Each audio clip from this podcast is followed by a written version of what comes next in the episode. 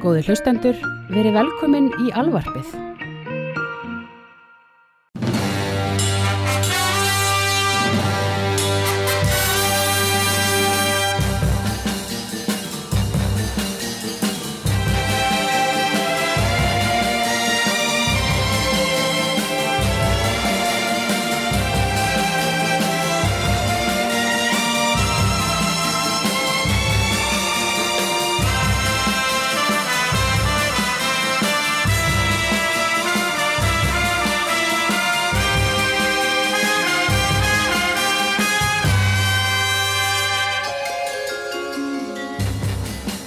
Heldur þú að hérna, Einar Áskell Charlie Brown getur verið góði vinnir? Þeir eru báðir svona svipaðir veginn í útliti Já, hann reyndar er alltaf ykkur lópapeysu hann einar áskill að hann byrja líka svíþjóð. Já, það er kaldara Ja. En að Að- þetta, það er keldra. Það er keld Ok Sko, ég, ég, veit, ég veit ekki hversuna, ég var eitthvað að glugga í Einar Áskell bók í dag og, hérna, og varð óneitanlega að hugsa til Charlie Browns eða Kalla Bjarna, mm. eins og hann er kallaður.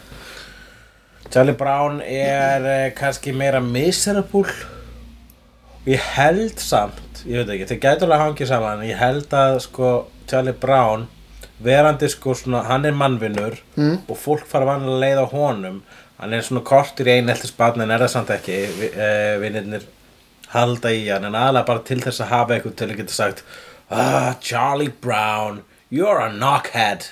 Eða hvað sem þau segja. Það er einelti. Já, en það er samt sko vegna þess að krakkarnir í uh, Peanuts tala eins og fullorðu fólk. Það er meira svona, þú ert nú meiri bjánin.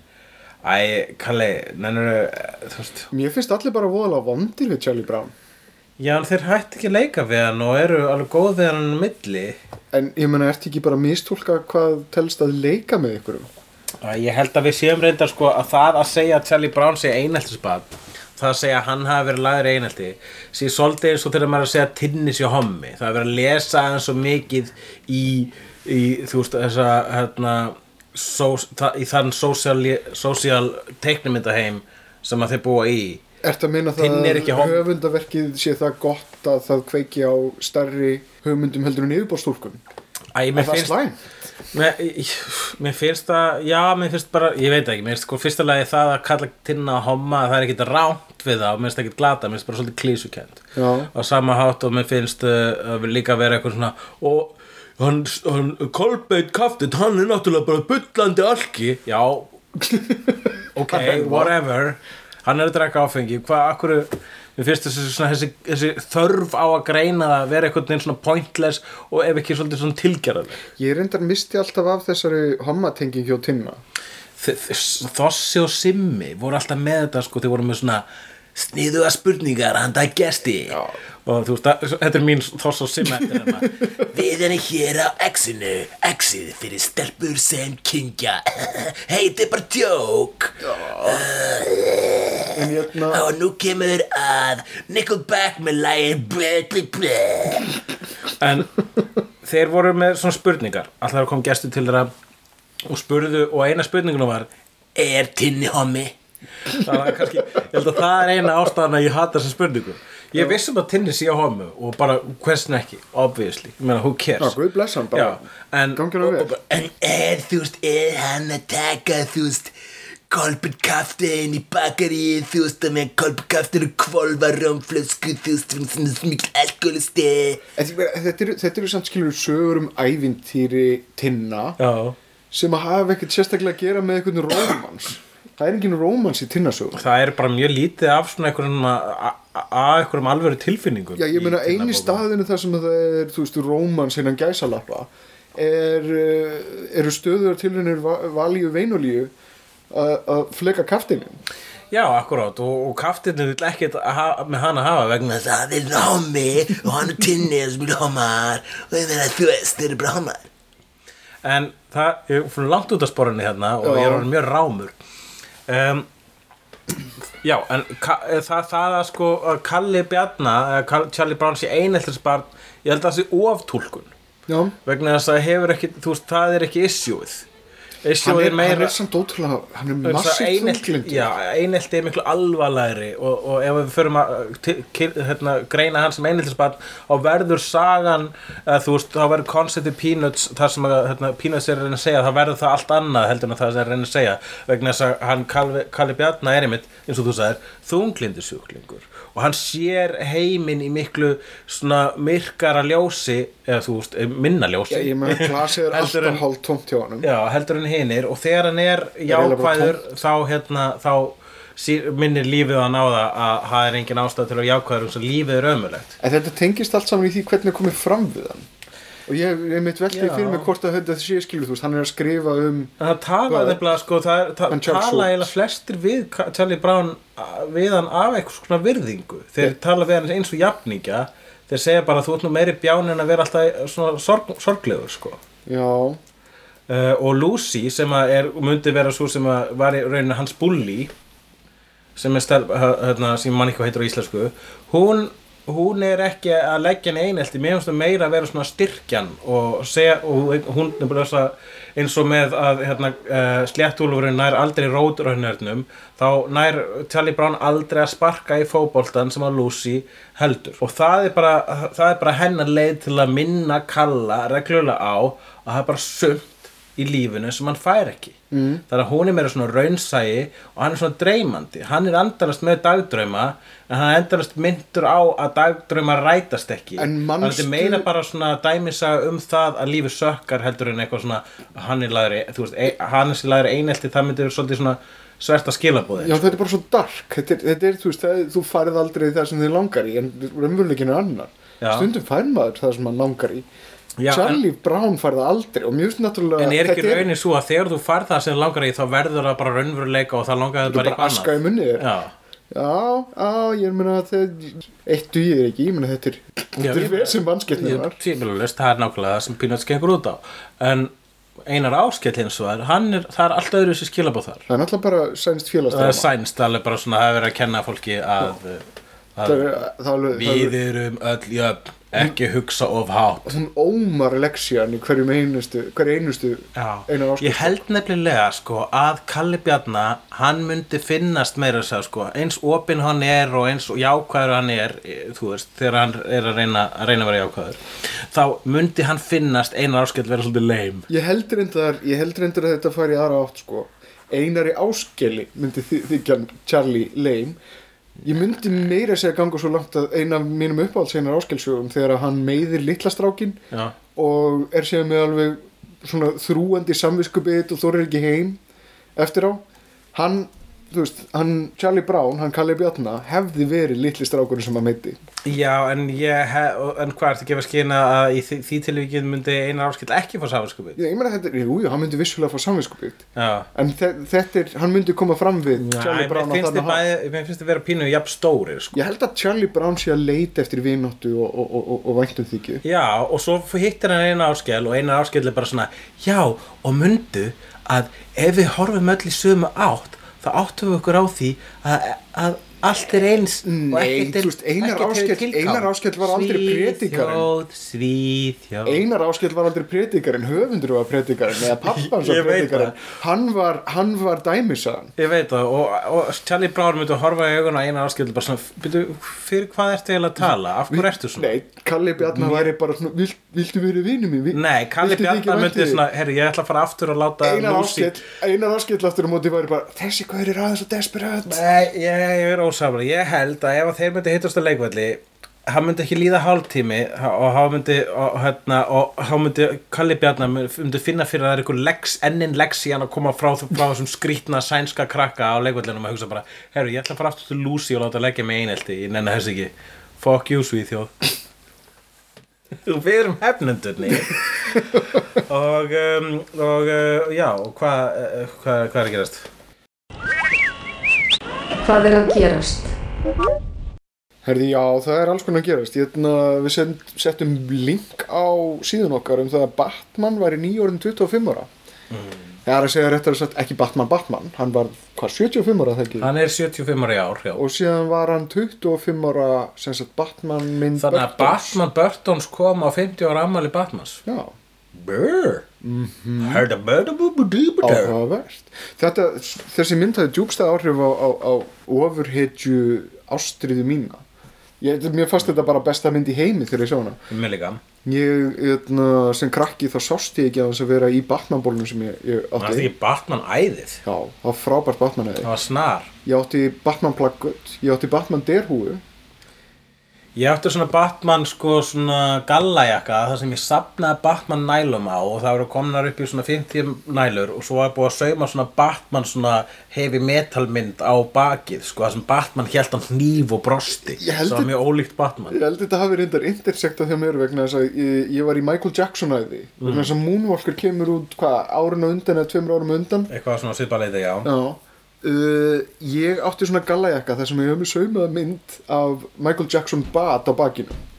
Sem ég hætti að gangi vegna þess að ég fór í strætó. Og það voru einhverju unglingar sem svona sá að hvað stundur þarna? Bað? Og ég var svo ég var svo lítil sál í mér að ég þorði ekki. En eh, hérna, ég setti samt Batman-nælur líka sko, þannig að þetta var Batman Michael Jackson jakki, Og þegar þú gegst út úr strætónu með bað á bakinu já, var það Lucy vinkona þín beð eftir þér með fótbolta og baði prófa að sparka þennan fótbolta. Fucking einar Ævar áskill Brown. Já, nei, ég man eftir að mér að slá í Batman Reymar sem hægt var að fá skó. Það var að fá skó með Batman Reymum? En það var, eh, þetta var hæpaðasta, þetta var svolítið sko það kemur svona skellur í kvikmyndabransan ég veit ekki hvort það muni endur að er það breyttur í dag en það kom, fyrsti skellur kom eiginlega svolítið hérna með Jaws mm. og svo kom Star Wars og svo myndi ég segja að Batman hafi komið eftir það Já, á þeim tíma þá var hún uh, ein tekju hæsta, eða fyrsta sýningarhelgin Já. var hvað, fjórða hæsta allra tíma ef ekki hæsta fyrir ekki Já. og hún var alveg, hún, hún tók alveg inn alveg massa pengi sko Já, það er samt alltaf svo afstætt hvað, þú veist, var ekki Twilight að toppa Titanic eða hvað alveg Þetta er orðið bara svona algjörlega afstætt hvaða táknar ef að mynd nær miklum peningi. Hún að maskinen er búin að átta sig á því eftir því sem að, að þeir tefla fram myndum sem græða meira því meira aðtekli fá þær. Þá verður eitthvað svona æði sem þeim langar til að íta undir og, og, og, og, og kind undir eftir að segja. Já, En ég veit það ekki, ég elskaði samt Batman þá. Ég, ég, Þetta var alveg frábær mynd. Ég, ég var að horfa á þessa mynd bara um daginn, það vild, vildi svo til. Ég var ekkert að spáði því að hún verið 25 ára ég bara fekk hann í ammæliskjölunum síðast, fekk allan Batman pakkan, það er að segja Batman, Batman Returns, Batman Forever og Batman Robin pakkan í ammæliskjöf fyrir 80 átti átti Batman Returns og Batman Robin. Uh, en það var fínt að fá hérna, að fylla í safni sitt, mér finnst alltaf gott þegar einhver fyllir í safni mitt. En hérna ég horfði sem sé á uh, Batman uh, Burtons. Mm, og ég er lengi búinn að vera með þá skoðan og, hafinn það í huga að ég elska þessi mynd og þetta er besta mynd í heimi lengi vel. Já, en ég er lengur búinn að hafa þá skoðun að þessi mynd er ekkit sérstök. Ég meina þetta er ekki gallalaus mynd. Því fyrir, bara já. alls ekki sko. Ég meina, ég, ég veit ekki alveg hvort að ég standi jafn mikið í liði með Joker, Jack Nicholson og, og, og, og aðri sko það er náttúrulega það, það að segja sko ég hef nokkuð tímann ég hef einu sinni tvisar sittið við sama barborð og menn sem segja uh, Nicholson var náttúrulega besti Jokerinn. Hann var náttúrulega besti Jokerinn. Hann er náttúrulega bara Og það er pínu eins og segja Brian Cox hafi verið besti Hannibal. Hannibal Lecter þú ert bara að segja það til þess að fólk veiti að þú hafir hort á gamlu mynd Þetta er hundra kalli hipsteraköpur já, algjörlega. En ég ætna, uh, já hann er hins vegar sínstílar í þessari mynd og það er alveg hárétt hann og, hann og Keaton eiga litla leiksigra innan þessa, þessa, þessa hálfgallaða handrits en það er ekki beint það, það er ekki það að myndi sér göllu þetta eru svo margar ofriði myndi þannig sér gallar en það er að hún eldist illa. Ég, ég sko málegt að það eru hlutir þarna inni sem að maður veltir fyrir sér hver tók þessa ákvörðin hann Burton langaði til þess að gera fullurinslega mynd vegna þess að þú veist uh, Dark Knight, Frank Millers var komin á sjónasviðið það var komin ákveðin svona fullorðin strengur í Batman sem að var verið að endur hintan frá uh, Batman ja, uh, sem sagt hérna Adam West Batman sem sagt Það var sagt að vera að laga að, þegar Frank Miller gaf út sínar Batman-sögur þá var hann svolítið að laga ákveðna bar, barna ímynd sem hafði fallið á hann í gegnum á hann bæði, bæði sjóvarsþáttum og ímyndasögum en gera Batman aftur töff gera hann aftur svolítið harðan og töff. Aftur á móti þá Warner Brothers sem að framleitu myndina þeim langaði til þess að bara gera meiri svona, svona hressan Batman. Já, svona Adam West Batman og ég, mér finnst svona skýrasta dæmið það að Tim Burton gerir þessa fínu mynd. Hún er, hún er dökk, hún er töff uh, tækin eru flott og allt þetta sko. En síðan fá þeir prins til að gera The Battens. Þið fá prins til að gera tónlist bara svona ba- basically allt pop soundtrackið fyrir myndina. Já. myndin glimur annarkort af Danny Elfman eða prins sem er skemmtileg kontrastar og ég hef lesið hérna, eina af allavega eitthvað svona æfisögu Tim Burtons eða svona ferilsögu sem hann skrifur sögur Burton on Burton í þessari leikstjórnarseríu sem var hérna gefin út í bókum. Já, um, og ég las Burton og Burton og þar segir hann að hann var bara hann, var, ó, hann fílaði geðveikt að prins var að fara að sjá um poppið í þessu, hann, bara, hann var lengi búin að vera prins aðdáðandi og hann hefði ekkert út að setja hvorki fyrir eða eftir það ákvörðin og, og, og máli er ég er að býða finnst- eftir einhverju svona en síðan ekkert hitt hann en síðan nei. hann tónlistina. Nei, er bara frábært. Og það sem ég, ég ætla mér að standa við það mér finnst já, það er algjörlega út úr kú og það er astralt og skrítið en það er eitt af það sem gerir þessa mynd. Það er það að glimur reglulega eitthvað Prince tónlist það er apparently er eina tónlistin sem er hlustuð á í Gothenburg er Prince. Já. þetta er svona eins og í Fraklandi þegar það er bara það má, hérna, svona kvóti á hérna, hvað sem mikið enskumælið tónlisti spila út á stöðum Já. það er svona greinlega miklu strangari kvóti í Batmanborg það er hlutur ekki að bara spila tónlist með Prince. En, en í Batmanborg, Gotham, Gothenburg en það, það, er bara, það er bara eitt af það sem gerir myndina einstaka og lætar hann einhvern veginn uh, lifa leikur hefur, gefur henni sál veist, í sérstaklega í nú, nútíma klímati af endalisum ofurýtti myndum. En það sem þessi mynd gerir og gerði fyrir okkur er það og hún, hún, hún hunsaði þá ósk uh, framleiðendana að gera einhverja fíblalega mynd Já. og reyna actually að láta ofurhutu mynd eins fíblalegt og það er að taka sig alvarlega og þar með skapaðist það sem við þekkjum í dag sem hérna uh, uh, dæmikir ofurhutu mynd Já, ég meni við erum báðir sammála um það að superior myndin af Burton duologíu. Já, það er Returns by Já, far. er, það, er, það er besta Batman myndin það er myndi sem hann ætlaði að gera sko. hans Burtons og það er Sioux and the Banshees sem sjáum Já. er bara með eitt lag ekki með allt. Og það er reyndar geðveitt flott það lag er frábært lag. Og, og líka Danny Elfman semur það lag með Sux eða Su Suzy. Suzy, segir maður stað, staðsetja maður ekki Nei, nei, and the Banshees. Susie and the Banshees. Og hún er náttúrulega æðisleg og hún er alveg stórkostleg og getur, ég getur talað miklu lengur um hana Já. en það eru margt í það eru svona hinn og þessi atriði í Batman fyrstu sem að er verðt að minnast á er náttúrulega uh, Jack Nicholson -hmm. sem að er bara að fýblast er að leika sér og þegar hérna, Burton bað hann um að leika í Mars Attacks hvort hann vildi leika eitt hlutverk í Mars Attacks þá sagði hann Hell, I'll play them all, Tim. Og hann leik þar alveg undir tvö hlutverk í Mars Attacks. Og vegna þess að Burton sagði bara gerða það sem þú vilt. Og þetta er mjög mikið improvisational þetta er mjög mikið fýblagangur hjá honum og hann er að fýblast að sömuleiti fær stundum allavega í einni sönnu uh, Michael Keaton leifi til að fýblast eða fær leifi til að svona að taka smá kast. Já, það er ertu að meina besta atriði þegar hann er hérna hittir, hittir Jókerinn og Bruce- er, já. er í Bruce Wayne. Þegar Bruce Wayne hittir jókjörinn í íbúð Kim Basingers já, það er, það er svona eitt af quintessential Michael Keaton atriðum þegar að grínistar er að gera grína Michael Keaton það gera grína þessu atriði. Hann hérna Taram Killam e, í, e, í Saturday Night Live hann gerir af og til Michael Keaton eftir hermi. Hann hermi bara eftir þessari einu setningu þar sem hann hækkar röddina í þeirri senu. Ég mæ- mæli maður flúkt tjekka á því. Kim Basinger hins vegar what the fuck? Sæt en ég meina þú veist þetta var náttúrulega hlutverk sem var ekki neitt neitt. Hún hafði veit ekki það. neina móða skiljur hún er, hún, mér finnst Kim Basinger í Batman ein versta hvern persóna allar tíma Vicky og það er auðvitað til verri persónur en hún bara sko, hún er hún Vicky er nákvæmlega svo- sama persóna og allar þessar öskrandi píur sem það er að bjarga. Hún er Nei, endalist að það Vicky að bjarga sig. Vale er svo bizarr uh, sköpun vegna þess að við erum að tala um Kim Basinger leikur stríðsfrétta ljósmyndaran Mhm. Vicky Vale sem öskrar alltaf. Já, og við erum að sín, eða, sko, það er síndar myndir af einhverjum átækasvæðum og sveltandi börnum sem hún er búin að taka. Mhm. og síðan er hún eitthvað að, að, að, að reyna að falla ekki fyrir Bruce Wayne. I like bats. Já.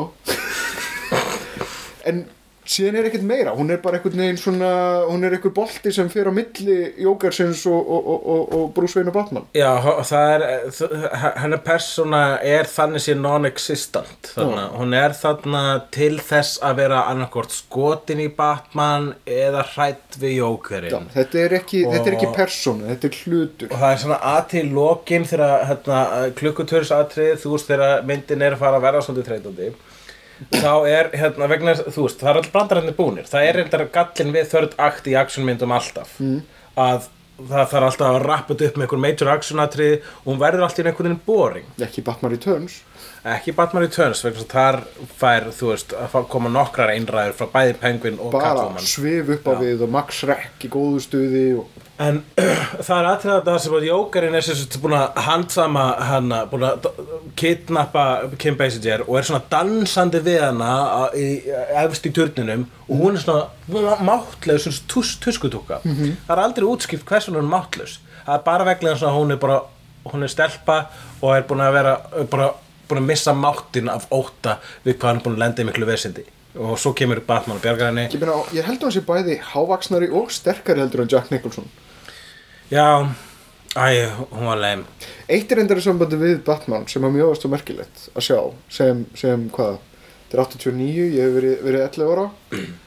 Uh, on-screen dauði þegar fólk fekk hérna hláturskassið og var creepy og það Já, já, það fannst mér einmitt svolítið merkilegt. Bara svolítið dark og töff og maður bara svona þú veist, á, þetta er ekki Það bara- þetta er ekki það sem ég á að venna Hvílíkt mannfall. Já. Og líka að, hérna, að Jokerinn var búinn að skvetta síru frá hann í fyrirverandi kærustu svona, það er síru árás það er síru árás í þessari mynd, ekki í myndinni sjálfri en við fáum að sjá andlitað hana eftir að hann er búinn að skvetta síru framan í hana bara vegna þess að hann fannst að pínu fyndið.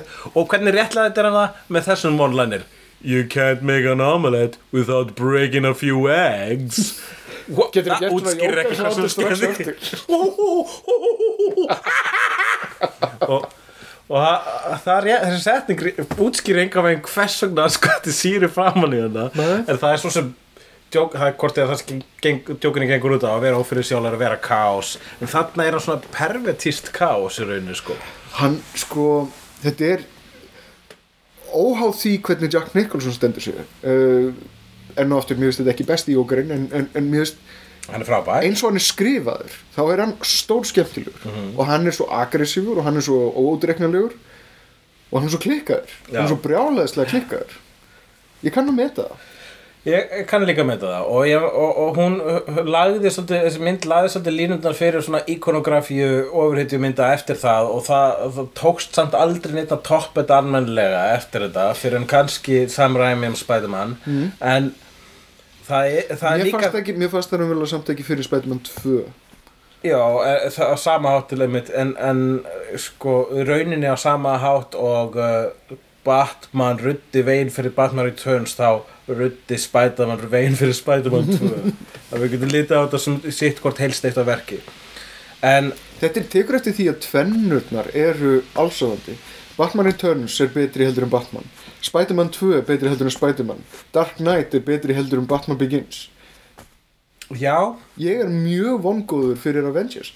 Mætist 2, já, algjörlega þetta virðist verið reglan að, hérna, að tvö myndir eru orðna betri en eitt en það er einmitt það sem að var einu sinni klísjan hið gagstæða var einu sinni klísjan Mm -hmm. og það, og það svo klísja var svo gömul að maður heyra hann ekki lengur sko. Nei, alveg svo Já. klísja með að svarta fólk deyr fyrst það er ekkert að deyja fyrst lengur nei, það er, náttúrulega höfundar meðutar um þetta. En ég, ætla, já, ég veit ekki, ég, eins og ég segi, ég elska, mannstu þeirra flögin þegar hann flýgur á bat vanginu já, þegar hann svona for no engri ástæðu þá flýgur hann svona upp yfir skíin og staldra sem smá stund fyrir Já, fram að tungli tungl. til að mynda Batman-merkið fyrir hvern? Fyrir hvern var þetta? Batman hann, logo. ekki eins og hann, frá hans sjónahorni sér hann Batman-merkið í tunglinu. Þetta var fyrir engan. En já, ég, eins og ég segi, ég elska Burt, sagt, Batman Burtons. Og eins og ég segi, þetta, þetta, er, þetta var alveg ein merkilegasta mynd þess tíma að upplifa hana Ég Þetta var ennþá þetta var game changer. Já, ég sakna ennþá bolsin sem ég fekk sem sagt, sagt þetta voru fyrst skipt sem ég fekk svona svak í bíó. Já, og ég fekk svona Batman ból sem ég elskaði alveg út af lífinu. Styrmir vini minn, hann átti sinn ból alveg held ég upp undir já, fyrir einhverjum fimm árum að að hann hafi loksins náða að ganga hann til húðar. Já. uh, ég aftur á móti misti minn þegar ég var 16 ára og hérna, uh, kom heim og var að leita að hannum og þá var mamma búin að klippa niður í tuskur. Já, ég misti alveg á þessu, ég fekk ekki neitt ból, ég fekk ekki það mikið svag, en ég bætti það reyndar upp vegna þess að ég fór í hérna botlangatöku hérna, þetta árið Mm. og bað sérstaklega læknin um að svo veist, sauma svona lítið Batman-merki í yður mín áður en hann lokaði, þannig inn í mér þar sem botlangin var er svona lítið Batman-merki. really, Já, alveg jálfurinni, hvað er fleira að gerast? Uh, hann Hvað- Solo var að meða sig. já, erðu, það er svolítið gömulfrétt Ó.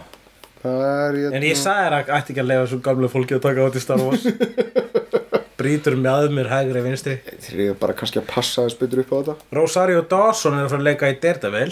Já, já Það ég meina, að- það er gott, mér sýnist öllu allan að það er, það er gott casting sko, hvað, Vincent D'Onofrio, uh, Rosario Dawson, það, ég myndi segja að við það casting að þessi aðalgaur, Charlie Cox, Já. að það sé vel valið.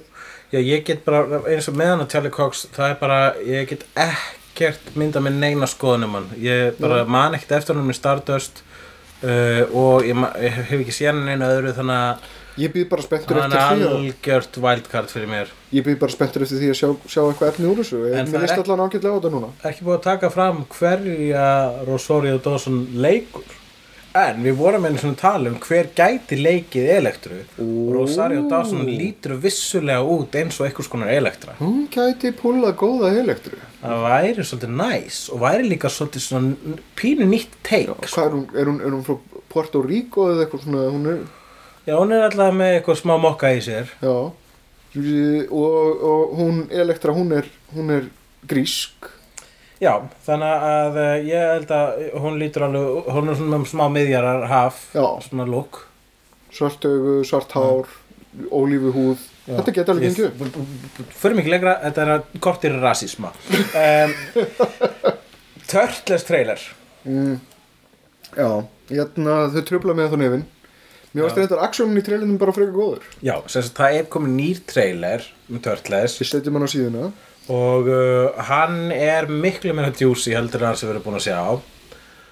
Og uh, ég er örlítið jákvæðari hvað þetta varðar. Ekki það, það að þetta hefur tröflað minn nætusöfn að hann er ráði. Nefin verði að segja að þó að það er mjög gaman að gera grína af þessum skrítnu nýju nefjum þeirra Mhm. þá hefðu þau aldrei rauninu tröflað mig hefðu eh, netið ekki bent mér á að, að þau varu ekki eins og teiknmyndanefin Já, mér finnst þetta samt sigla þarna inn á einhver óþægilega slóðir. Finnst þið skrítið og sérði nasi upp í nasirnar á þeim? Ég bara, ég vil ekki hafa nasir þetta bara yfir höfuð. En ég átti eins og skjálpöku sem gælendir og hún var með nasir. Er Er þetta sem sagt nær anatómískri skaldböku? já sko, ég held að flest skrítið ef ekki öll séu með nasir þannig að í rauninni þá er þetta já Þannig að Michael Bay bara einfallega að gera þetta uh, svona nær raunverulegir annátt. Það er bara bullshit maður. Ef þú skoða myndir hérna af skjaldbökum þá eru það ekki með svona mannleg lítil nef framan á. skjálpökur geta heldur ekki þeir eru og eru heldur ekki með varir en þessar skjálpökur eru ekki bara með varir eru með stórar feitar varir Já, og stóra tennur. já Þetta er, þú veist, það er svona framstæður svona einhver kuppur framan á, á, á, á, törtlis andliti. Það á bara, bara heima þarna. Það er svo, veistu þessar skjálpökur líta allar út þessu Jay-Z Já, Kortir í rasism öll. Hvort er rasisma? Ok, ég var að fara í ákvæðar til glápa Ert þú með eitthvað meira hvað, Já, er já, gerist? já, ég er með meira. Hann Ryan Johnson Já, sem að Ryan- gerði Looper og Brick og The Brothers Bloom sem ég sá aldrei Já, uh, hann var ráðin til að gera sem sagt uh, episode uh, 8 Ef þau eru ekki útskýrt svona vel hver Ryan Johnson væri þá ætlaði ég að gera svo fyndi brandar um það að Brian Johnston ætlaði að fara lengstir á Star Wars It's the story of a Skywalker. Adam lived in Tatooine. við getum alveg No one let him play with a lightsaber. He wanted to be a Jedi. My songs don't have to rhyme.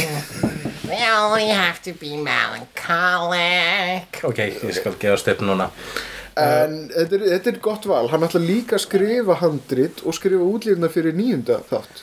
Já, uh, bara- já, hann er fyr, sem fyrirgjöf, ég var svo upptekinn af mínu einn gríning hvað hefur hann aftur gert þessu guður?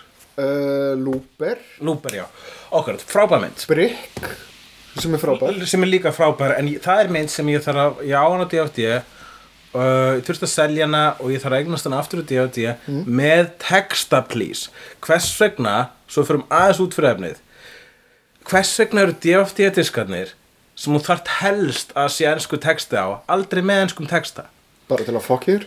það er vegna þess að ég held að sé bara vegna þess að, einmitt að það nennir ég á hérna um, uh, hérna, myndina Chopper, ástörðsku myndina með Erik Bana Ó. það sem er sterk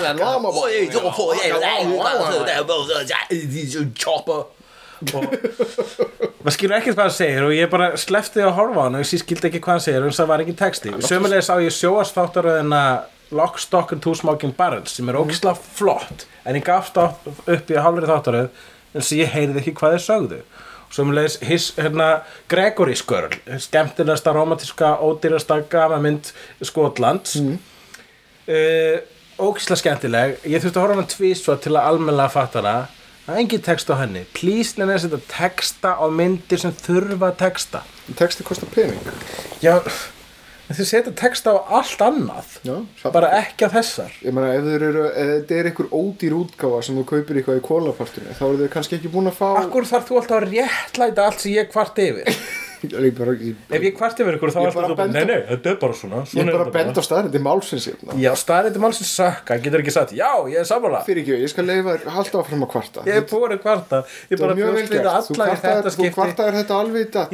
í eitt moment að bjóst ég við að þú myndir segja Já, þú meinar, það er rétt. Ég ætla bara segja það núna, já, það, þetta er rétt. Alltaf, mér líður alltaf að ég, ég sé bara býðið með, með, með eigin miskilda heim Já, síðan var ég hérna að... Það er örgulega flott að Ryan Johnston segja lengst af því en við höfum ekkert svo meir, meir um segð Nei, en ég, mér finnst þetta samt áhugavert að, að J.J. Abrams, hvort hann ætla að púla Lucas, sem sagt gera fyrsta, sem sagt eins og hann, Já. Lucas gerði, bara gera fyrstu myndina og síðan bara leiða ykkur öðrum að gera rest. Mér finnst það mjög fínt og mér finnst líka fínt eh, það væri betra ef þessi Ryan Johnston myndi bara gera hérna, eina mynd og einhver annar myndi gera þriðju bara dreifa svo aðeins marga og geta draga heila leikan úr þessu fyrirbæri sem við kvöldum Star Wars vegna þess að raunin er svo að þetta er ekki heilagt lengur það má gera hvað sem við viljum við þetta. Það er búið svo að koma svo margt í rauninni betra en Star Wars. Bara Star Wars er eins og ég vil, ég vil meina til þess að það er svolítið eins og Picasso.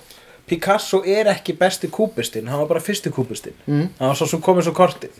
Það er búin að koma fullt af flottum kúbistum eftir hann sama má, það er bara komið fullt af góðum Lúkasum, ef ekki betri Lúkasum að eftir Lúkas mm. þess vegna var fólk eitthvað svo hissa á því að þegar kom nýtt Star Wars að það var ekki jafn gott, það var bara vegna þess að það búin að fá svo gott Star Wars í millitíðinni Já.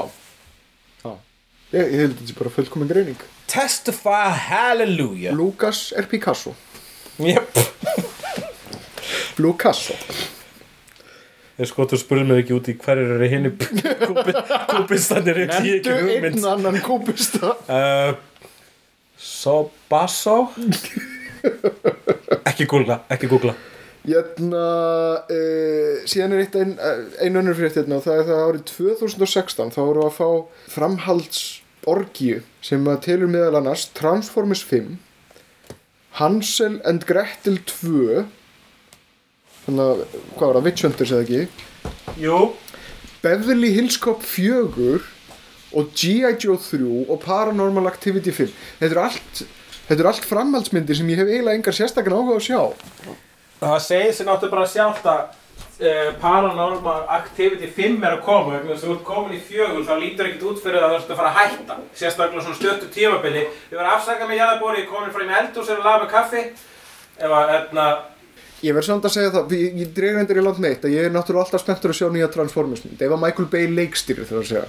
já, algjörlega en uh, Hörðu, eitt reyndar í sambandi við Turtles-trailin. Uh, Shredder er búinn að breytast í einhvers konar Transformer. Hann er í einhverju svona risastóri mekka brinju sem að, sem að hérna, er alveg, uh, já, gæti verið komin af tekniborðinu á Transformers. já, ég get ekki sagt að Shredder eitthvað öskraði á frumleika hérna í þessum trailer kannski reyndar ekkert í þessum trailer öskrar á frumleika vegna þess að þetta er fucking Turtles mynd. Mm, en þá er ég ekki meina að Turtles er góð þá er ég bara meina að Turtles er 20 ára gamalt fyrirbæri. However. Joe 3 það meika bara sens að það er að koma. Þess að það hefur búin að gera tvö ef það ætlar ekki að klára alla að skella í trílógi hvað var þetta bísurung það var bara skrítið uh, hvað var síðan það meira svona taldur um? Hansel and Gretel 2. Já, ég held að sú mynd hefði floppað Ég held það líka. ég, hún fekk slæma dóma Var ekki samt þarna Finnin sem að gerði Dead Snow sem að leikstýri henni? Ég veit það ekki, ég er bara, ástæð, það er ástæða fyrir að ég nefndi ekki að sjá Hansel og Gretel og svo, það er sama ástæða og ég nenni ekki að sjá Once Upon a Time sjóastáttaröðina.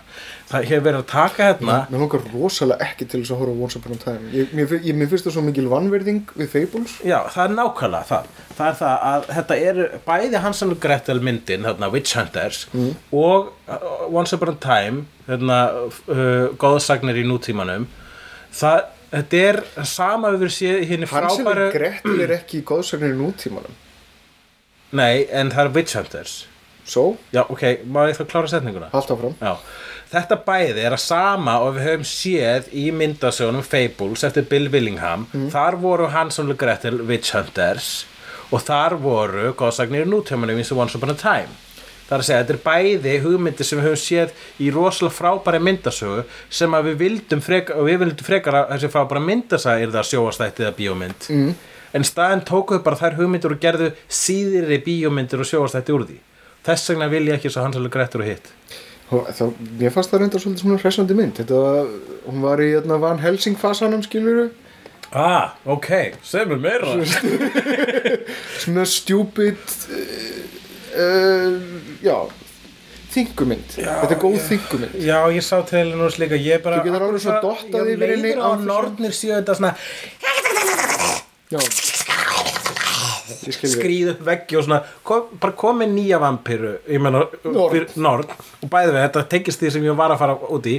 Komið líka með nýja vampiru við var að sjá trailerinn af einhverju sem heitir Dracula sem ég veit ekki nákvæmlega hvað ekki Dracula the Early Years eða eitthvað álíka. Mm. það sem er eitthvað svona um hérna, Vlad Dracul og hvernig að vera Dracula þessi trailer er að ófrumlegasta kjaftaði sem til er. Og af hverju þurfa vampýrur að vera svona oft svona leim af hverju vampýrur alltaf þetta Þær eru alls konar. og djöðlega er ég bara, er ekki sko, þau þurfa að finna eitthvað nýtt angul á tveir góðsagna hér er að ráðast á hvern annan Býtum við enn slakað þess á. Þú ert nú zombie-aðdöndi. Já. Það eru tvær tegundur af zombium og hafa bara verið tvær tegundur af zombium. hlaupandi og, og, gangandi Já, það er ekki, jú, nasista zombiur í Dead Snow. Já, En, ok, þrjár. Þrjár það útgáður. eru til svona Og er subgenres. zombiurnar flokkast ekki teknilega undir zombiur einu sinni. Já, þess að zombjur eru í, sko, í grunninn þær eru miklu meiri þær eru sko svo takmarkaðar þær eru miklu meiri Já, það eru bara eins Já, alltaf. það er miklu minni potens að verða leim En þú, en, hérna, um ekki vampýrurnar, það eru alltaf með hann að blessaða persónuleika og alltaf vera romantiseraðar og að verða alltaf einhvern veginn detta inn í sápuna, sko. Mm. Detta inn í eitthvað svona melodrama. Ég var endur að pæli í akkur, ok, þú elskar zombiur, ég elskar vampýrur. Let's æ- call the whole thing off. Nei, þú identifæjar ekki við skrimslið. Mig langar að vera skrimslið. Þér finnst gaman að horfa á skrimslið. Þér finnst Já. gaman að standa fyrir utan skrimslið. Ég meðist sko veröldin sem að flesta góða zombíu myndir gerast í vera eh, hálf kittlandi. Mér langar pína að búa í þeim heimi bara til vegna þess að mér langar að búa í heimi þar sem ég drep alla. Já, þú málar heiminn sem skrimsli. Já. Þannig að þú getur verið eðlilegur. Og líka það að zombíur bara táknmyndin er svo er það að mannkinnið er skrýmsli. Já. að þú veist að hópurinn, líðurinn er skrýmsli á meðan að Það það vampýran þú talar- ert skrimsli að tala miklu minna, meira til mín heldur en uh, að að einhver, einhver, einhver vera sem ég lifið og að ég er svo fallegur. Mér. Eða glíma við skrimslið í sjálfum sér eins og Angel það er nú ekki beint eins og þið litist að horfa á Angel Angel var líka frábær. Var fullt af góð, Ég er bara að segja, hlutfarslega eru vampýrum meira leim heldur en zombíur. Ég held bara ekki. Já, kottum með, teld, ég teldu upp ein, ok, förum í leik. Teldu upp eina góða va, va, cool vampírumid Ég skal telja upp eina lame vampírumid mm, ok, Dracula Francis Ford Coppola. Ok, eða Bram Stoker's Dracula fyrir við mig. byrjum náttúrulega þá segir Twilight akkur eru við í svona Þetta er stúpid ógæslega leik? skemmtilegt. Þetta er stúpid leikur. Nei, þetta er, þetta er það ástæðan að hefnund, að jarðaból hlusta á hefnundur Halda það fram ég þarf að undirbúa mig fyrir Nei! þetta víst. Nei! Nei, og fyrir þetta það, þetta er, þetta er stúpid leikur vegna þess að auðvitað getur slæma vampýrumynd á móti sl- góðri Og þetta er stjúpid leikur vegna þess að ég er að fara að vinna hans sem sagt Ég veit ekki nákvæmlega hvað leikurinn gengur út á. Ég, til að sanna mitt, mitt ekki- til að sanna hvort mitt point eða þitt point. Það er alveg til cool Það er til fokk nóg af lélum hvað, ég get talið upp 14 cool vampírumyndin en það er að tellja upp allavega einu í viðbót. Ok, uh, sko málið það er náttúrulega Buffy the Vampire Slayer. Ok, ok. Uh, Hérna The Vampire Diaries. Hvað hétt aftur í hérna? Near Dark? ah, um, Dracula 2000 Úff, það var slæmmynd Hvað hétt hún hérna Nicolas Cage myndi? Nei, það var ekki það Kiss of Vampire. Kiss of the Vampire. Já, hún er næstu cool samt vegna hún er svo, svo rosalega glötuð. Og hún líka Nicolas Cage. Já, Nicolas- I'll give you that. Um, Já, er cool, þú segir hún sé cool. Ég, ég, ég á nefna kúli það ekki? Ok, já, ok. Um, Þá segi ég hérna uh, hmm. Veistu ekki með 14? Já, ég var að 14 cool, ég er algjörlega ekki að sanna pointið mitt. Jú, hérna, uh, hún heitir uh, Steakland eða eitthvað. Ok. Uh, Nosferatu. Já, uh, Buffy the Vampire Slayer the Movie. Shadow of the, of the Vampire. Þá segi ég uh, Vamps. Dirty Days of Night. Uh, Þá segi ég Darkness. Ég menn ekki eftir að sé hana, hvernig var hún aftur? Æja, var svona, svona sábóperu vampíru mitt. Ok, Lost Boys. Uh, Fright Night 2 Fright Night endurgerðin Já, Fright Night Já, endurgerðin mér finnst hún heldur fín. Já, ég er að segja líka Fright Night endurgerðin Ok, ok. Uh, Byzanti Nei, nei, nei Hérna Latan rétt að koma inn sem er fucking modern classic. Ok, Let Me In endurgerðin hefði sem að Þú sökkar he hefur séð hana? Nei, en Hún sökkar ekkert. Þetta er fín mynd. Hún er- hún, er bara, hún er bara ekki neitt sérstaklega frumleg. Já, algjörlega, ok, þá skulle ég segja bara Abraham Lincoln Vampire Hunter. Ok.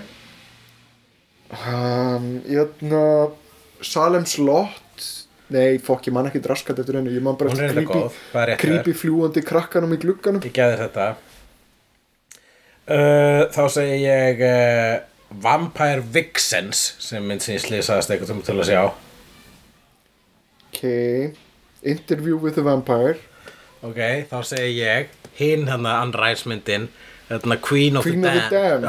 Með þarna gælinu sem dó með í Anaya, flugslýsi. Hún var reyndar ógæslega flott í þeirra mynd en myndin sökkaði. Ok Hvað, hvað áttu við að nefna margar? Ég held að við séum að nálgast rauninni niðurstöðuna fyrir hverja einustu góðu vampirumynd er til ein slæm vampirumynd Sama gildir um zombiemyndir Já. Eiginlega eru hlutvillig meira segja skakkari þar vegna þess að zombier eru ofnótað skrýmsli Ok, ef að fara þá í þannleik líka eða eitthvað? Fearless Vampire Killers. Ok, þú segir Fearless Vampire Killers þá segir ég Salm Slott með Rob Love From Dusk Till Dawn. Þá segir ég From Dusk Till Dawn sjóastættinir The Hunger. Þá segir ég The Hunger Games tjók þá segir ég um, hérna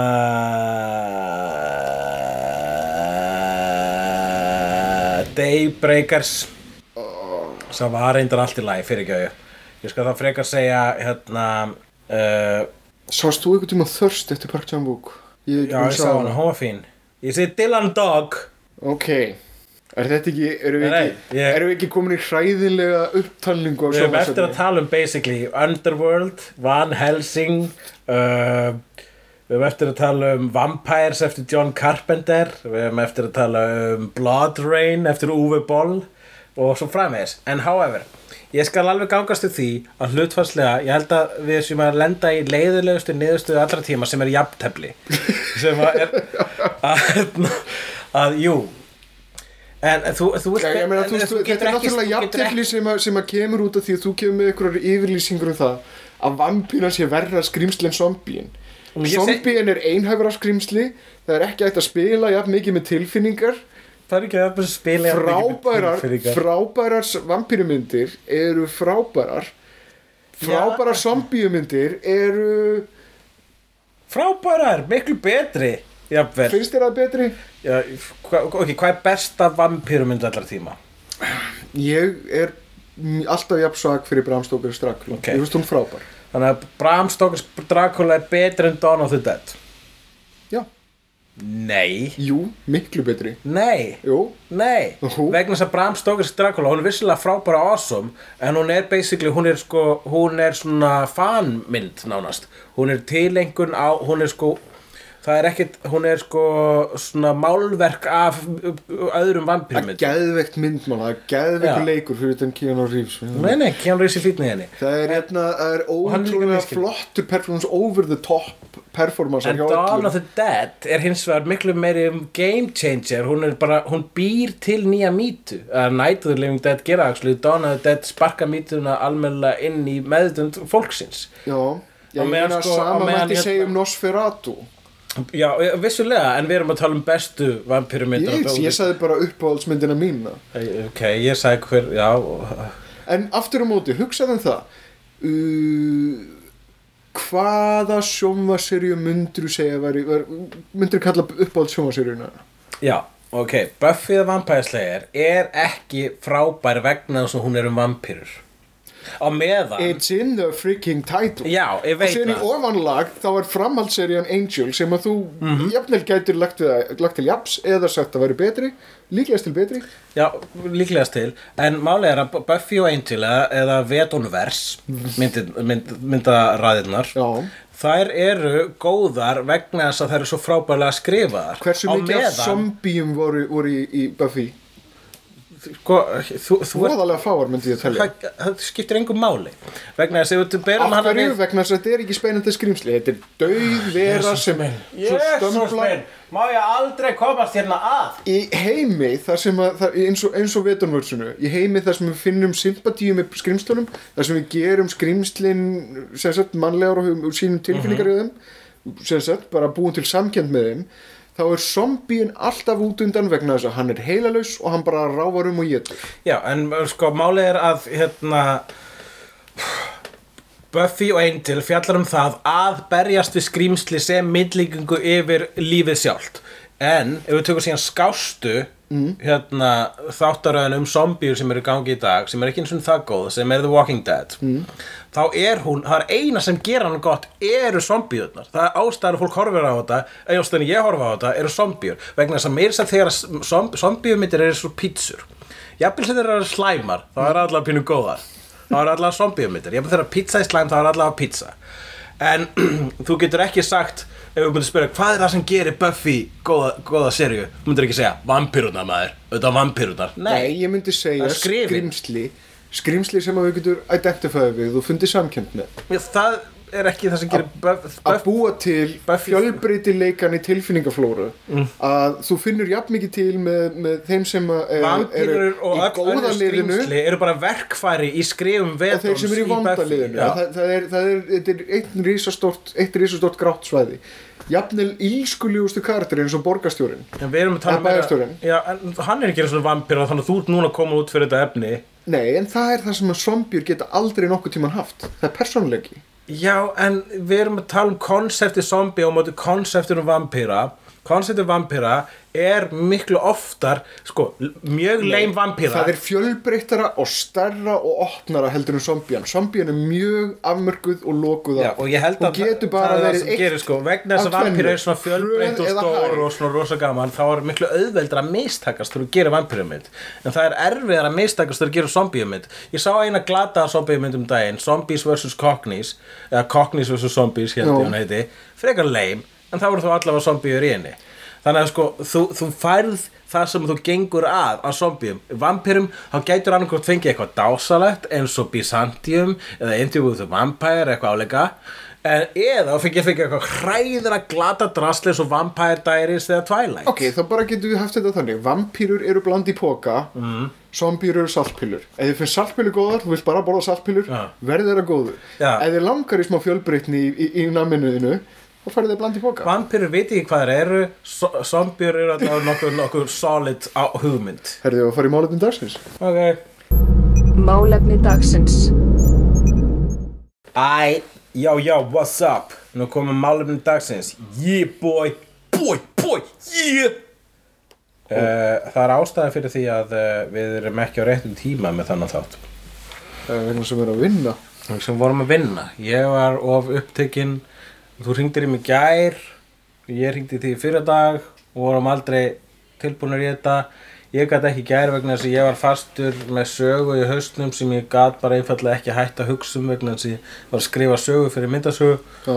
og ég gat ekki ákveðið hv- hvernig ég ætti að afgræða endin ég var hættur við endin sem ég var með upphaflega. Komið nýjan endi.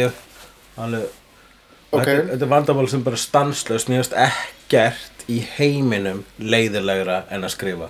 Nei, það er nefnilega hvort að Harlan Ellison hafði einhvern tímann talað um þetta að, að þú getur spottað sko í hópa af höfundum ef, ef, ef að það Já. koma saman nokkru höfundar og spjalla saman sín á milli um það hvernig er að skrifa og bla bla bla. Það er alltaf einn gaur í hóp- hópnum sem að segja það er frábært að skrifa, mér finnst óslega gaman að skrifa. Það er gaurinn sem að vinnur ekki við að skrifa. Já, nákvæmlega. Og hérna og það er einmitt, og líka alltaf þegar þú veist, þegar kemur þessi árlega umræða um listamannlaun og eitthvað Mhm. þegar kemur eitthvað svona fólk á ekki fyrir borga fyrir áhugamáli sín ég vildi óska þess að þetta var áhugamáli mitt vegna þess að þá gæti ég bara svona þá var gaman að gera þetta eitthvað þá er þetta bara svona dundur Mhm. þetta er ekki áhugamáli, þetta er bara einhver fucking einhver köllun sem er fleikt á mann sem er eitthvað svona þú veist þetta er eina sem að ég kann einhvern veginn, e, þú veist rauninni taugakerfi mitt þvinga mig til að gera það er að skapa einhverju sögur eða brandara eða whatever mm. það er eina sem að sko taugakerfinu minn langar til að gera og vissulega fann ég loophole þar sem ég, sem ég eru spýtukalla brandararnir mínir. Þar sem ég get gert mjög stuttan sögur á mjög stuttum tíma og fekk pínu borga fyrir það. Já. en til þess að geta lifað á svo þarfst að gera lengri sögur. Og hann ég fór út í það að skrifa handrit. Og mér finnst að vissulega ég er ekki, get að- verið sjaldan stoltari en eftir þeirra verk langt sérstaklega löng saga eftir mig tilbúin en að skrifa hana fucking hell. Þarna, þarna kemur að kjarna málsins. Það er ógæslega leiðilegt að skrifa en það er ógæslega gaman að hafa skrifað. Það er nákvæmlega frábær tilfinning. Er það ekki að sama að vera óléttur basically? Jú, já. Svona eins langt og svo þannig að við erum að skilja núna hvað konur eru gangi gegnum. Já, við höfum alveg nákvæmlega sambarilega reynslu Nei, já, ég, Já, nei, ég veit það ekki. Eðna, Nei, þetta er, hugmynd, er hugmyndi, þegar hugmyndi kemur með, með, með svona frek, ma, sko, það sem kemur í hausin á manni þegar maður fær hugmynd að góðri sögu svona línulegri sögu þá, þá er það sem svo trailer. Trailer að awesome bíómynd. Já, og ok, núna þarf ég bara að skrifa þetta og láta allar þessar myndir sem byrtist í haustum make a sense innan söguþráðs. Shit, það er, það er eins og að setja saman kínverska algebru formúlu til að láta þetta make a sense til að láta þessa senu sem er svo flott ekki vera of klísukenda til að láta þetta samtal vera, ekki, vera raun, raunverulegt og svo framvegis. Þetta er bara hvílíks þú veist maður þetta er að, ég hef sko ég var að skrifa, að skrifa einu sögu þar sem að stelpa á kött. Mm. Ég held ég pásaði skrifin í svona tvo daga að reyna að ákvaða hvað anskotast kötturinn á að heita.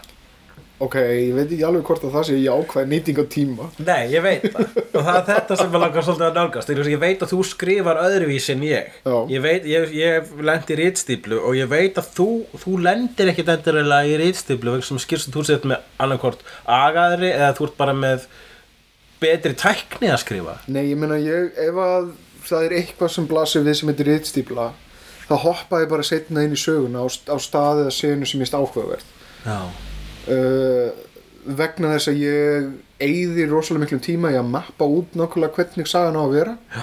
og það er, það er eiginlega skemmtilegri hlutin að vinna að bara svona ímynda sér röðun á senum uh, og vita nokkurn veginn hvað að gerast en síðan þegar kemur að því þetta er, þetta er, þetta er svona skapandi hlutin á ferlinu. Já. síðan þegar kemur að því að skrifa þessa senu niður þá erum við komin í vinnu þá erum við komin í uh, sagt, leiðinlega hlutan já, og uh, aðferði mín við það að komast í gegnum reitstýplur er það veist sem að, að ég veit ekki ég, ég, ég aldrei upplifa svona beina reitstýplu bara svona, ah, ég, þetta, ég er ekki alveg tilbúin að skrifa þessa senu, ég er ekki alveg að finna, finna sjálf mig í augnablíkinu þessa senu þá bara hoppa eitthvað stað setna inn eða undan eða, eða hvað svo sem virkar fyrir mig og fyrkt í því, eða þá ég bara fyrir að vinna í ykkur öðru.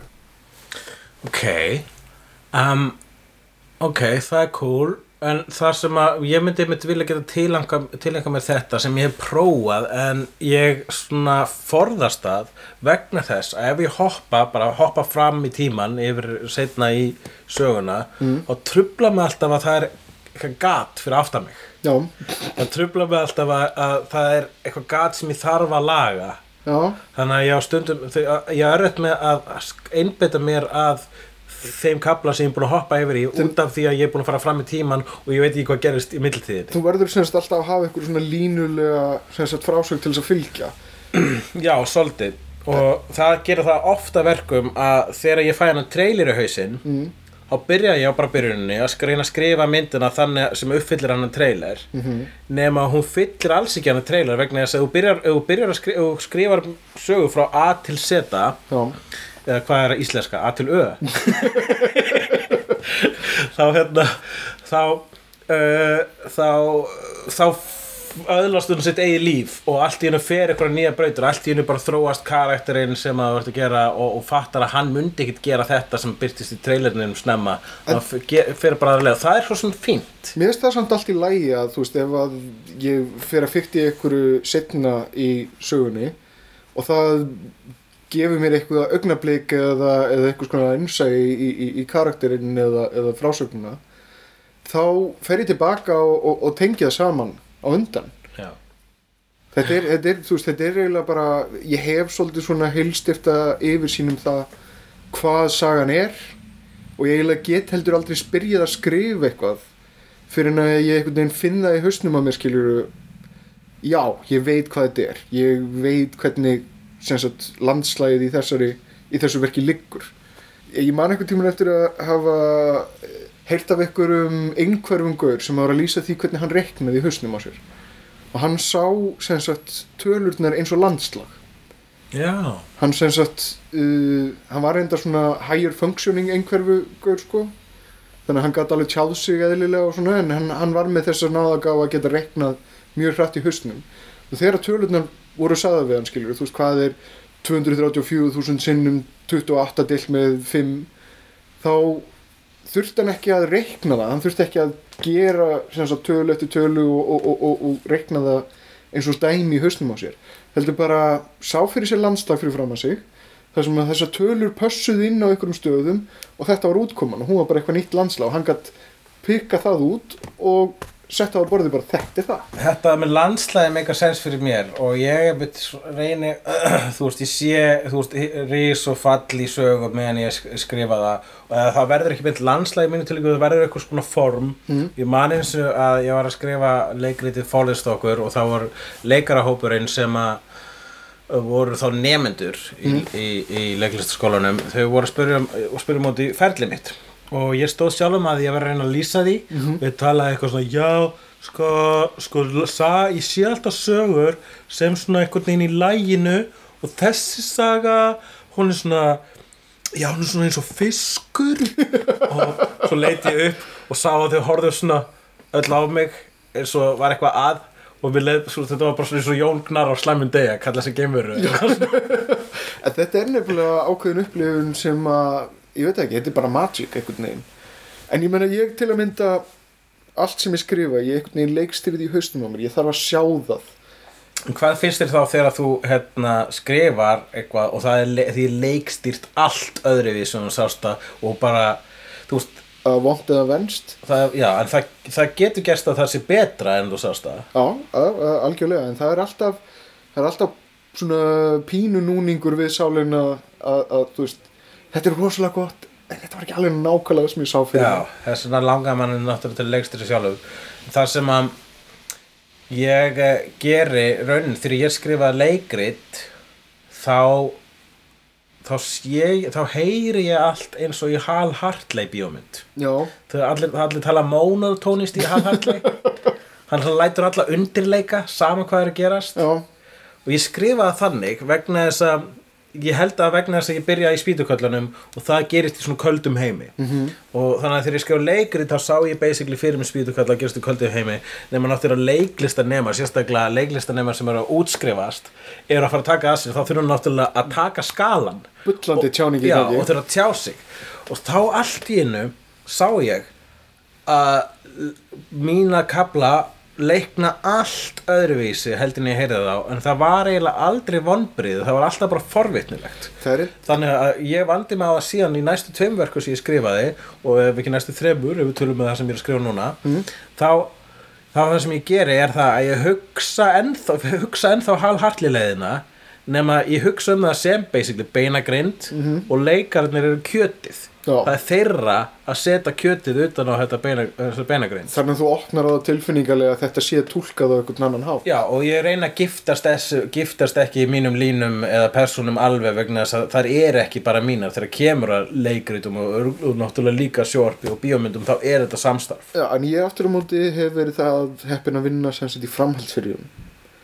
Uh, þannig að eftir fyrstu seríu þá er ég komið með svolítið, svolítið því leikararnir eða, eða persónuna tala. Þannig að ég get skrifað onni það, ég, get, ég heyri röddina, ég heyri þau blæbriði málsinn sem liggja fyrir. Þannig að ég get, ég get fyllt því formi. bara svo lengi sem ég heyri það í hausnum að mér uh, hvernig karakterinn talar og, og, og, og hvað orðfærið er sko Stundum hitta líka leikar á basically nákvæmlega sem varstu að hugsa sko, það er náttúrulega best Ég hef ná- uh, Það, ég, já ó, man, sko, núna er eitt að gerast. Að mér langaði að fara að segja frá skipti þar sem að ég skrifaði eitthvað og leikstjóri gerði alls ekki rétt. Já, nema við búum á Íslandi og svo erfitt að, að tala óbyrðlega um það sem maður er óanaði með. Þegar það kemur á samstarfi sko. já um, sko það gerist alveg að, að, að veist, það sem maður sá fyrir sér er svo langt frá því sem þú sást fyrir þér þegar það er, er, er, er gert að veruleika Já, að það er bara sárt að hor- horfa upp á það sko. Maður hugsa stundum bara byrju, skildur eitthvað sem ég skrifaði eða varstu bara, varstu bara painting by the numbers? Ég meina, sko minn skóli var umverulega að skrifa sketsa fyrir stelpunar Já, vegna þess að þar náttúrulega er maður ekkit heilagur og höfundurinn er ekkit sérstakur. Maður er bara að punda út einhverjum sketsjum alveg á fullu og síðan er leikstjóri og leikara sem að tólka það eftir, eftir því hvernig þeir bara tólka það hvað Já. þeir sjá fyndið í þessu og þú veist það er ekkit endilega rétt eða raungtúlkun þótt að hún kannski gangi gegn þinni túlkun á því hvernig þetta vera en þetta er, þetta er mjög svona þægilegu skóla að skrifa sketsa og setja í hendur öðrum til þess að, að læra að gangi gegnum þetta svo þú hættir að vera svona precious í samtíð þetta En það er samt, þrátt fyrir það, er samt ekki sniðu til dæmis í sketsa þáttum eða bara þegar kemur að bara einhverju skona sjóarstátt að skrifum mm. að skrifarinn sé á gólfinu þegar það er verið að gera þetta. Ég meina í bandarísku sjónvarpi þá er höfundurinn alltaf kongurinn sko. Já, þá er hann executive producer hann ræður hvernig tónnin er hann er stundum leikstjórin á fyrsta tveimu þáttunum hann býr til heiminn og býr til rödd heimsins. Uh, þetta þykir mér eiginlega svolítið ákjóslegt fyrirkomulag. Já, og þetta er ekki það sem gerist hér. Nei, og það, ég menna þú sérð árangurinn af því. Það er hérna þú veist, sjónvarp, andri sjónvarp er í einhverjum, einhverjum frábærum uppsving. Já. og bara hver stildin og fætur öðrum kemur, kemur. Vegna þess þeir hlusta á höfundana. Já. Það er, hérna, það er einn dæmis eða það var einhver hérna, mynd með, hvað heit hún, Catherine Hepburn um leigumorðingja sem að, eða um gamla konu sem að ræður leigumorðingja Til að drepa sig. að drepa sig og síðan verða þau vinur eitthvað svona. Það var, hann, sagt, það var eitthvað gaur sem skrifaði handritið og hún þótti, hún var svo mikið í mun. Ég held að það hafi ekki verið Catherine Hepburn. Hann gæti að hafa verið Catherine Hepburn, ég manna það ekki. En höfundinu var svo mikið í mun að þetta er þegar hún reði Nick Nolte. Já, Já, hún heitir, þessi mynd heitir Grace Quigley. Já. Uh, nema hvað höfundinum var svo mikið í mun að, að, að Catherine Hepburn léki aðal hlutverki þannig að hann fór fram hjá hún bjó og hendi handritinu yfir í garðin til hennar. Já, og hún las þetta handrit og þetta var það frábært handrit að hún setti þetta einhvern veginn í hendurnar á fólki sem hafði einhver völd til að gera eitthvað og þetta var það einhvern veruleika. Æðislegt. Myndi var ekki góð Nei, en höfundurinn sjálfur var svo uh, ákveðin í því að það væri rétt myndarna þannig að hann tók sér til og klifti útgáfaði sem sagt hann sjálfur réð editor eða þarna, klippara til þess að fara yfir, yfir það efni sem hann til og bjóð til sína eigin útgáfaði sem er víst betri en ég veit ekki hvort að það sé, hún það, sé það var aðgengilega svona writer's cut já, Er það, það er ekki, hljómar ekki algengt cut Það er- Director's cut er út um allt ég veit það en ég var í alveg stuði fyrir það að sjá rætiskött af mörgum bíómyndum ah. þar sem að það er greinilega eitthvað sem að skilaði sér ekki frá handriti að skjánum Hvað finnst þér erfiðast? Hvað finnst þér sko Ok, ekki erfiðast, hvað finnst þér leiðilegast? Ertu að minna fyrir utan það bara að pikka þetta inn? Já. Kannski góð spurning. Ok, ég kom með aðra. Hvort þér betra?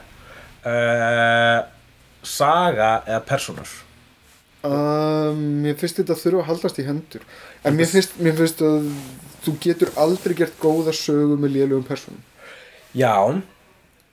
Já, alveg hárið rétt vegna þess að ég held meiri segja að góða personur geta látið þið gleyma lélegri sögu Mhm. Ég held að megnið af góðum gamanmyndum sem þú veist um, skemmtilegum gamanmyndum það eru basically krappi sögur með Þvæla, ógíslega oftast. skemmtilegum skemmtilegum personum Já, og ég held að það sé eitt af því sem ég kann að gera eru skemmtilega personur þannig ég einbytti mér actually meira að því nei, ég einbytti mér minna að því að gera skemmtilega personur svo það kom bara svolítið að sjálfur sér. Já. ég held ég sem bara góður í en sagan, það er það sem ég þarf að hugsa. Það er það sem ég fæ kvíðan um hvort að þetta sé bara tróna slóðir eða hvort að eh, hvort að hún gangi bara upp eða hvort að struktúrin sé ójafn eða whatever. Ég reyni alltaf að fylgja þryggja þáttaforminu til að byrja með bara til þess að hafa þá beinagrind hlusta, hlusta meira á Dan Harmon. Hann er búin að tala mjög illa gegn, eða tala mjög mikið gegn þryggja akta struktúr og uh, The Hero's Journey Já. pælingunum. Og ég er 100% samanleið þess vegna elska ég að lesa þú veist Karl Barks og Osamu Tezuka Já. vegna þess að þeir eru ekki með neitt struktúr. Þeir eru bara að reyna að vera skemmtilegir. Já, en ég er nefnilega hér er málið ég nota þryggja þáttastruktúrið Já. og The Hero's Journey í rauninni sem svona einhvern veginn fylgir alltaf þryggja þáttastruktúrinu það er að hérna, ég nota alltaf til þess að bara svona byrja að skrifa mm. er En líka ég fer út af því og ég eyðilegg það alltaf strax og aldrei viljandi. Það er bara ekki hægt að halda sig innan þess vegna þess að þú sjálfur vilt komast hjá klísjónum sko. Þú vilt, þú vilt, þú vegna svo setur í spórpersonunar og eins og þú ert að spila roleplay þá reynur ákveður frekar að gá hvað er bak við þetta horn heldur en þetta horn og þannig fer maður ósjálfrátt út af forminu en mér er skaman að byrja á sérst guldna meðalveginum bara til þess að geta týnst af honum. en þryggja þáttastruktúrin á bara að vera lýsandi. Hann á ekki að vera forskrift.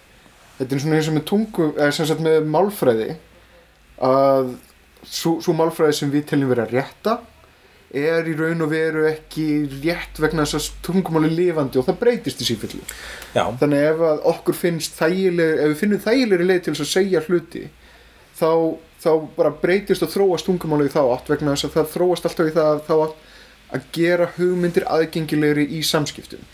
En málfræði er svona einhver lásaða hún verður að forskrift þannig að þú fer alltaf að reyna að hérna, leif, hættir að leifa tungumálun að lifa og þroskast og þróast og ert í staðin alltaf að hörfa aftur tilbaka að reyna að fylgja þessari forskrift sem, sem málfræðin á einhverjum einum föstum tímabúnti notabene. Can't a brother mess with the queen's English? sem leggur fyrir sem eitthvað heila rytningu eða eitthvað fast form á það hvernig hana sama gildur um þryggja þáttastruktúrin það er til nokkrar, það er til fjagrattastruktúr það er til áttattastruktúr þetta er, til alls konar struktúr og það er alltaf bara lýsandi á því að búa til einhvers konar flæði sem að sérst hefur annar staðar en er raunverulega bara greinandi. Ef að sagan virkar, ef hún er spennandi og skemmtileg það sem ég myndi segja að væri mikilvægara heldur en, heldur en struktúr er að finna einhver tilfinninga, tilfinningarlegan kjartna. Uppáhaldsmyndi mín, minna Boogie Nights. Getur þú sagt með hverju þryggja akta struktúrin Ekki, það? það er, það er, hann er ekki til staðar. Nei, þetta er bara, er bara ein sagan rekur hver aðra. Já, það er líka beautiful en hún líka er bara svona eins og lest sem brunnar áfram. Mhm. það sem að ástæðan ég nota hérna, þryggjartastruktúrin er ekki bara til þess að nota hann sem hækju til þess að geta byrjað að tala Mhm. heldur líka vegna þess að ég kann rosalega vel við það að taka eitthvað þægilegt eitthvað örugt og kúka á það. Þannig að mér þykir vænt um þryggja þátt struktúrin á sama hátt og mér þykir vænt um til mér banderska fánan ef að mér finnst tilgangurinn með banderska fánanum er að leggja hann á jörðina og síðan skýta á hann Já. það er að segja til að búa til eitthvað augrandi listaverk úr því sem fyrir var þess vegna finnst mér gaman að fokk, það sem góða er við sko þryggja þáttu struktúrin þú getur lagt eitthvað fyrir framan áhórandan og hann heldur að hann viti hvað hann er að horfa á og svo getur þau brenglað það meina- og þá um leið gert þetta aðtiklisverðara fyrir áhórandan En málega er það hérna, að þryggjakta struktúr er mjög flókin og löngleið til þess að lýsa því að allar sögur hafa byrjun, miðju og endi. Það er hinn raunverulegi þryggjakta eða mjög struktúr. einföld leið til að segja það Þegar ég myndi segja að þetta var næstu í rétta leiðin. Þetta er, hitt er að búa til, skilur þú veist, það er 15 síður inn, eða 10 síður inn, þá er eitthvað inciting incident. 30 síður inn, þá er, þá er, þá er breyting á, á, á, á líðanina, bla bla bla bla. Já, ég held ég hef mér sem sagt þetta, ég var að kenna myndasögugerð ekkert fyrir nýl, svo lengur síðan og ég held ég hef sagt bara svona einhverju sem að var með áhyggjur af því hvort að sagan hans megaði sensa eitthvað svona held ég hef sagt að hann ætti bara einmitt að taka að sér svona þetta þrý akt dæmi mm. Og þá sagði hann uh, já en ég get ekkert fyllt því. Og þá segir bara já og þá ert þú réttur í leiðfélagi Ég, ég skal samt, ok, í sambandi Star Wars til dæmis, sem að er undanfæri þess að allir allt í hennu reyna að herma eftir þeim struktúr. þess að Star Wars er superklísja Nei, hún er, nei, hún er, þá var hún ekki superklísa. Þá var hann bara, Jú, það var en- enginn en- að nota Hero's Journey fyrir hann Star Wars og George Já, Lucas það var kannski ekki tengir við super þetta. klísja í kvikmyndunum en það var hann líka að taka við Raging Bull tímabilinu Já, en nota bene, það sem að gerist með Star Wars er það að hann er að vinna út frá öðrum forsendum heldur en þessum Hero's Journey struktúr.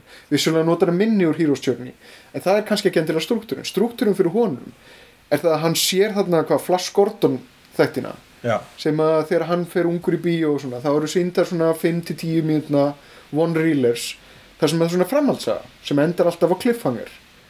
Hann fór kannski á sunnudugum og sá margar svona saman sem að mynduð ykkur að heilt þetta er það sem að hann vildi gera í Star Wars og, og, og, og líka í Indiana Já, Jones. já, já.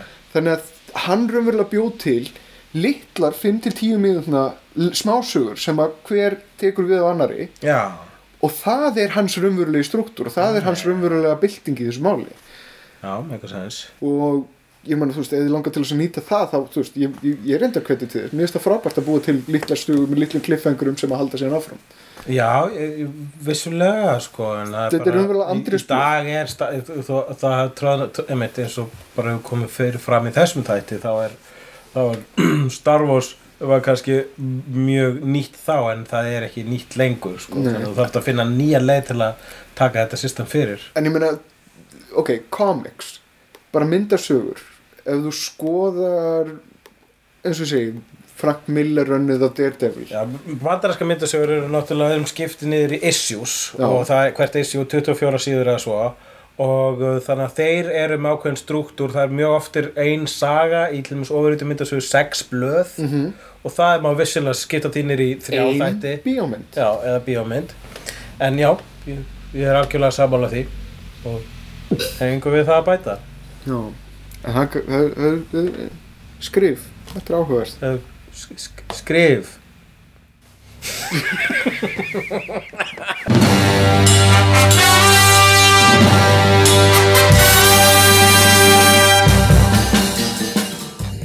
hef- he- hefnendur- hef- Hefnendurnir voru Jóhann Ævar Grímsson og Hugleikur Dagsson.